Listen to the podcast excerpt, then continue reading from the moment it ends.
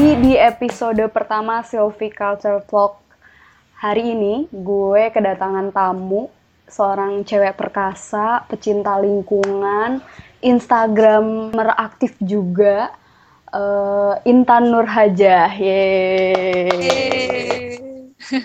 Boleh ceritain nggak Tan sekarang aktivitas sehari-harinya ngapain aja? Halo, kenalin gue Intan, uh, silvikultur.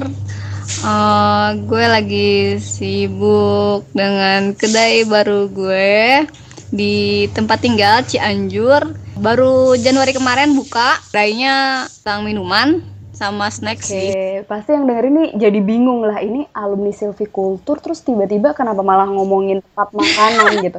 Tapi nggak apa-apa sebelum kita ngomongin soal kuliah, soal pekerjaan lu yang sebelumnya mungkin gue boleh minta pendapat lu tentang lu kan pengguna Instagram aktif nih ya uh, boleh lah ya hmm. minta pendapatnya sedikit kan beberapa waktu yang lalu sempat hits tuh topik uh, anak alay dilarang datang ke sini gitu jangan posting ini nanti ketahuan anak alay gitu yang kayak gitu-gitu ya, betul, pendapat betul. lu gimana soal itu Oh, yang benar ya, uh, suka miris juga emang. Misalnya ngeliat dengar berita uh, apa tanaman-tanaman yang bagus, bunga-bungaan, terus uh, banyak yang foto selfie di situ, terus diinjek-injek, jadi ngerusak juga kan. Nah, sebenarnya itu kan emang nggak baik. Terus sekarang banyak postingan-postingan Instagram yang katanya anak jangan kasih tahu anak alay uh, yeah. kalau ada tempat sebagus ini gitu kan.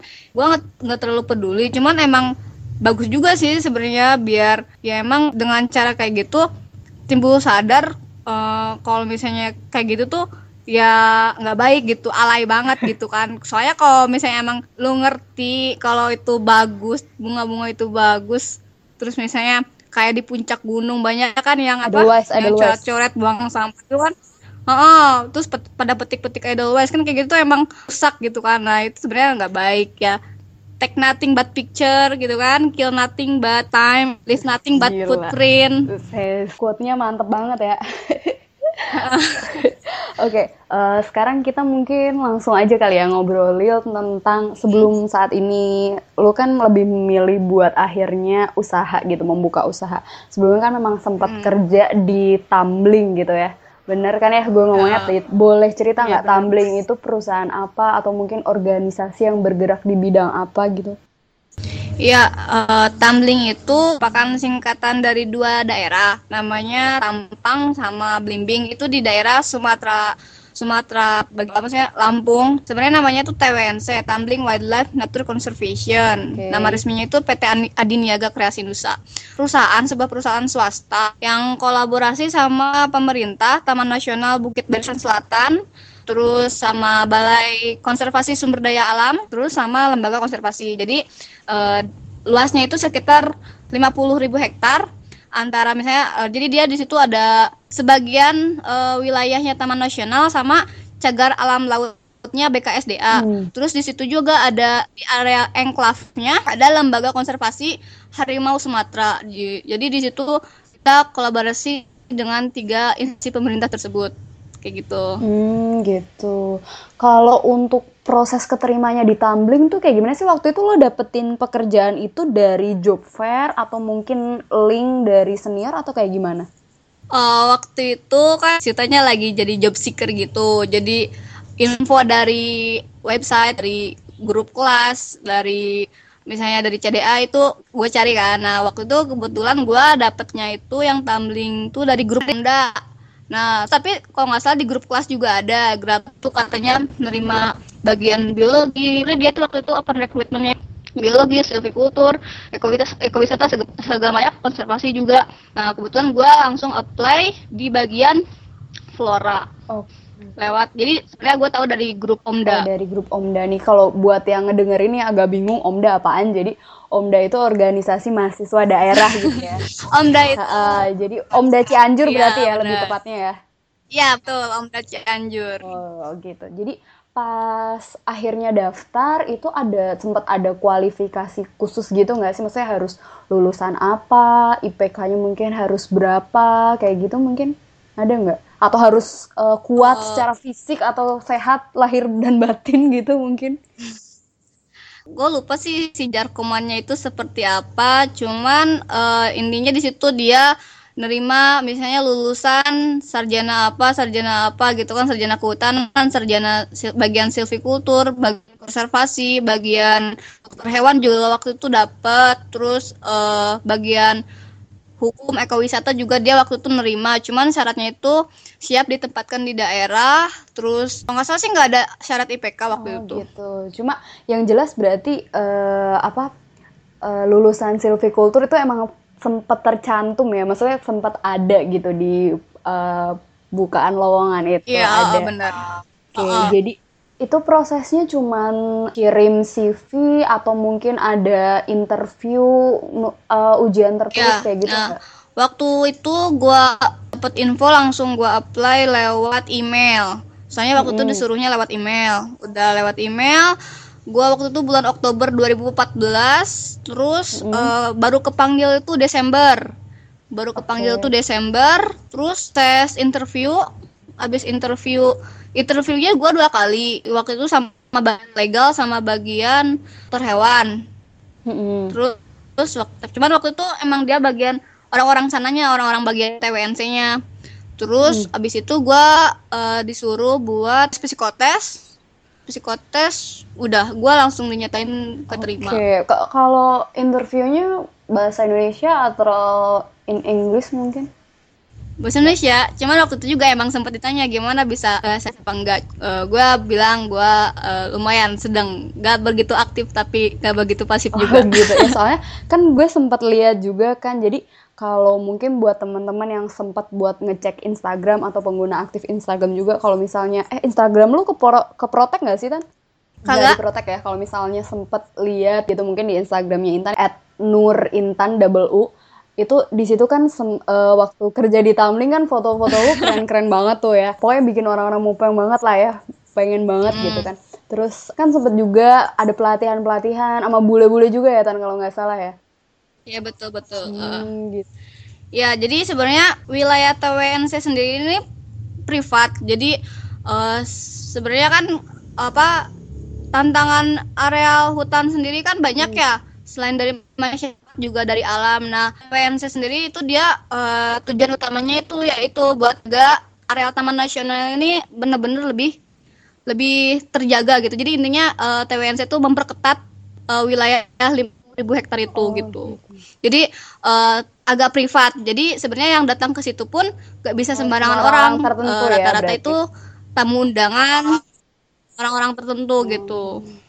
Gitu. Kalau dan undangan-undangan yang dari luar. Hmm, berarti memang orang-orang yang memang uh, tertentu dan memang udah dijadwalkan gitu ya Tania. Ya. Kalau hmm. boleh tahu di TN West tumbling lah pokoknya uh, di tumbling itu ada berapa bagian sih yang bisa dijadikan lahan pekerjaan buat alumni kita misalnya alumni kehutanan khususnya alumni silvicultur lah uh, sebenarnya di sana itu ada beberapa departemen nah kalau buat kehutanannya sendiri paling kita bisa masuk bagian departemen konservasi di bagian departemen konservasi ini ada dua bagian tuh flora sama fauna. Nah mungkin kalau buat anak silvikultur kita bisa masuk di bagian flora.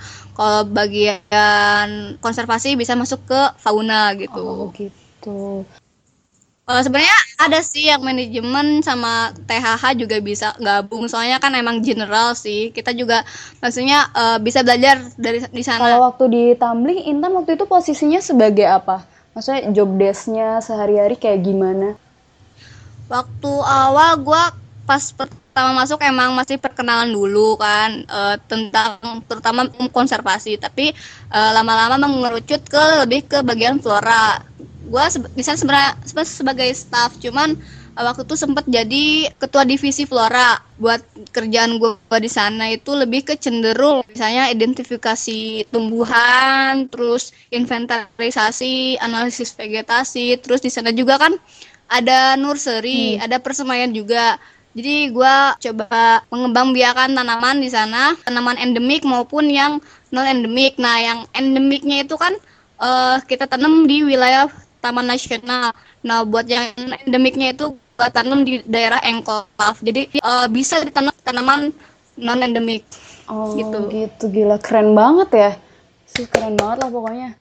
keren banget uh, kalau apa namanya udah keren banget tuh sempat jadi ketua divisi Flora juga terus uh, apa namanya kalau ngelihat Instagramnya juga kayaknya pekerjaan lo itu Instagramable banget gitu maksudnya uh, kalau gue lihat dari komen iya, bener -bener. dari komen-komennya tuh kan pada bikin junior junior kita gitu kan pada yang ih kak keren banget sih kak. Ih kak kok uh, bisa sih kerja di sana? Kak gue pengen dong kerja di sana juga. Bahkan teman kita sendiri kan ada yang bilang uh, apa namanya gila lu tan. Maksudnya kerja panas-panasan tapi tetap cetar gitu lah pokoknya ibaratnya.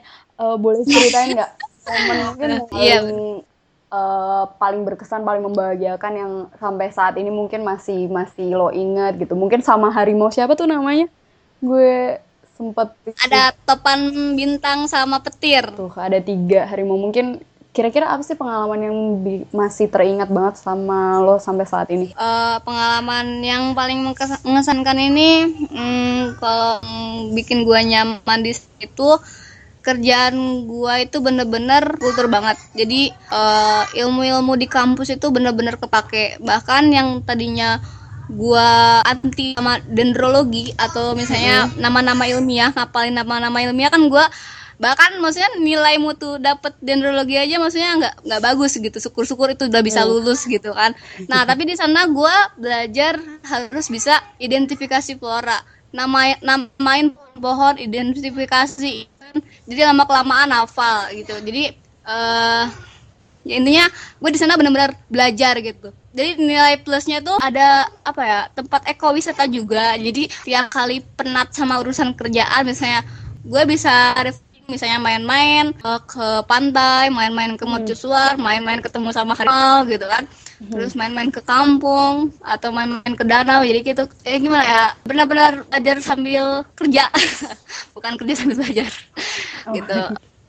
Jadi sebenarnya kayak kemarin juga waktu itu pernah sempat eksplorasi ke hmm. suatu wilayah. Kita nyus nyusurin uh, danau, sungai. Hmm. Tapi buat gua gua ngidentifikasi vegetasi bantaran sungai. Jadi kiri kanan sungai gua hmm. ambil sampel terus gua identifikasi. Tapi sambil jalan-jalan juga gitu. Sambil ngeliat pemandangan seru sambil, ya. Uh, dia sambil foto-foto gitu. Gitu. Terus misalnya waktu itu nyari tanaman tanaman buat bikin taman kupu-kupu juga waktu itu sambil main ke suar kayak gitu-gitu. Makanya ya sambil-sambil mainan lah dibawa enjoy gitu Siap, siap. Kayak kelihatan apa ya? Kayak kelihatan gak kerja tapi sebenarnya itu sambil kerja gitu. Tetap bikin orang lain pengen banget ya buat gabung uh, di sana. Terus kalau uh, uh, senang udah nih kalau misalnya dari sedihnya tuh pernah nggak sih ngerasa sedih gitu? Secara kan jauh gitu kan ya tempatnya. Kan kalau sistem kerja di sana itu 60 hari kerja 14 hari libur. Mm -hmm. Nah, uh, mungkin kalau buat awal-awal misalnya 30 hari pertama masih kayak adem ayem aja gitu kan. Uh, masih betah-betah aja, belum kepikiran pengen pulang. Tapi kalau misalnya udah pepet-pepet 60, nah hari ke-60 misalnya tuh uh, udah hari ke hari ke-40 misalnya. Mm -hmm. Udah mulai kangen-kangen rumah, kangen-kangen temen, apalagi sedihnya itu kalau misalnya di kampus itu ada event atau enggak di rumah ada event gitu kan. Terus gue nggak datang itu tuh aduh sedih banget tuh. Hmm. apalagi waktu itu pernah uh, kecelakaan gitu kan. Terus gak bisa datang jengukin itu sedih banget. Hmm, kayak gitu. gitu. Tetap jarak tuh tetap yang bikin sedih ya gitu. Ya terus gue nyanyi bener, bener. LDR sama lagunya Ran. Cuma kalau mungkin uh, ngomongin tentang kerjaan, kayaknya nggak nggak nggak jauh-jauh lah kita ngomongin soal gaji karena memang uh, apa ya bisa dibilang itu salah satu hal yang bikin lo akhirnya nerima tumbling gak sih maksudnya oh tam waktu itu memang maksudnya langsung begitu lo diterima oh ya emang ini kayaknya selain cocok mungkin ya lo berpikir itu silvicultur lo keterima di bagian flora terus tapi secara gaji pastinya seseorang juga pasti memikirkan uh, dong ya kan soalnya uh, apalagi dengan lo yang posisinya jarak jauh gitu ya dari Lampung ke Cianjur itu kan lumayan gitu. Kalau dari segi gaji gimana? Lumayan atau bisa lah ya menghidupi menghidupi? Atau cukup lah ya buat ya, PP ya uh, sebenarnya kalau dari gaji pas dari nego emang nggak nggak nyampe gitu. Maksudnya uh, misalnya gue nego berapa tapi dapatnya berapa gitu. Tapi uh, itu nggak begitu jauh sih. Semacam dapat tunjangan gitu nggak? Uh, jadi lo kayak misalnya dapat mes terus makan kayak gimana di sana sehari-hari? Di sana gue dapat uh, mes hmm. dapat mes gratis terus makan juga sehari tiga kali udah disediain secara gratis terus ongkos transport tiap kali pulang juga dapat. Terus kalau biasanya ada event-event besar tamu atau apa pun atau misalnya ada owner uh, kita dapat ampau. Jadi emang nerima gaji emang bersih gitu. Oh. jadi nggak nggak kepotong-potong apa pun okay. gitu. Enaknya sih itu. Uh, nah uh, apa namanya pekerjaan ini kira-kira sebagai alumni silvicultur recommended nggak?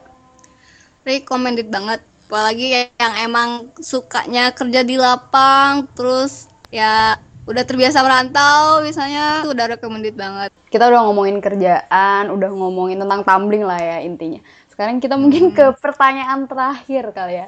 Pertanyaan terakhir uh, di tumbling maksudnya gue sempat lihat juga di postingan kan banyak ya alumni kita yang gabung di sana gitu kan.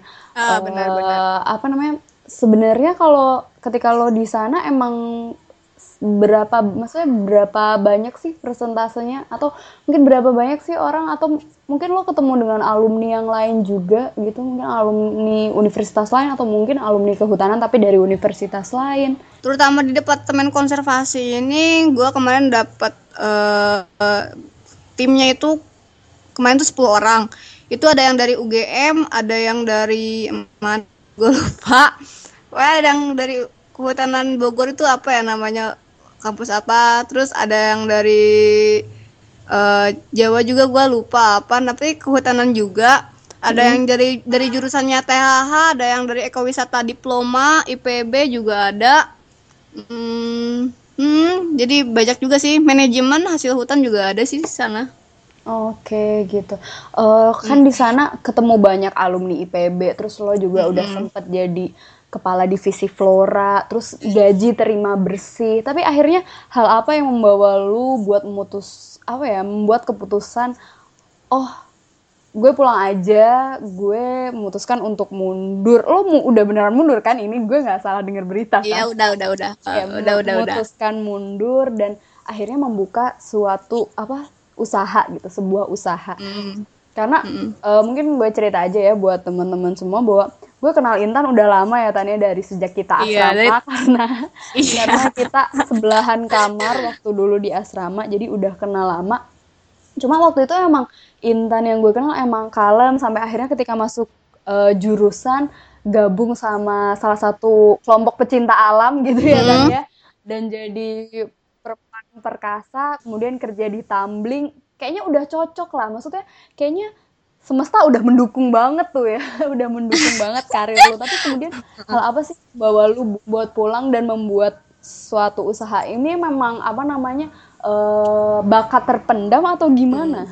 Iya hmm. sebenarnya uh, eh, gue betah banget di tumbling cuman uh, eh, gue harus pengen apa ya pengen coba dunia baru aja gitu terus emang waktu itu tiap pulang gabung sama teman-teman misalnya main sama teman-teman terus ngobrol-ngobrol uh, uh, gimana kalau kita buka usaha tapi misalnya uh, eh, gue berprinsip meninggalkan ilmu gue tuh kan. Nah uh, ya gue mulai coba seriusin terus sampai apa ya obrolin matang-matang sama teman-teman gue terus diseriusin terus akhirnya pas waktunya kontrak gue habis ya udah gue nggak uh, perpanjang gitu. Sebenarnya itu kita biasanya otomatis perpanjang cuman gue uh, abis kontrak selesai gue cabut dan izin buat pamitan terus gue seriusin seriusin lanjut dong, pastinya. gitu di sana?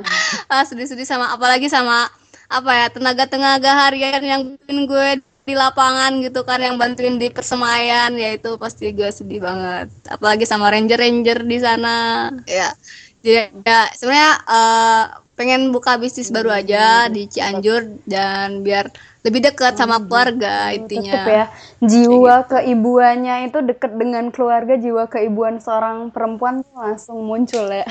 iya bener-bener ya. Gue juga di kedai baru gue tetap ada konsep nature-nya, alamnya. Jadi gue juga uh, tanam misalnya nanam-nanam uh, tanaman yang edible, tanaman penghias ruangan kayak gitu-gitu, tanaman hias pekarangan hmm, kayak gitu. Okay. Jadi ya uh, semoga ilmunya tetap tempel, tetap jalan ya. meskipun uh, uh, meskipun beda gitu. Hmm, gitu. Oke, okay. mungkin uh, sekarang lo memutuskan buat fokus ke usaha yang sekarang dulu ya. Yeah. Uh, apa sih kan judulnya hmm. Na Nature Ice Cianjur ya? Nature Ice. Uh, uh. uh, Oke. Okay.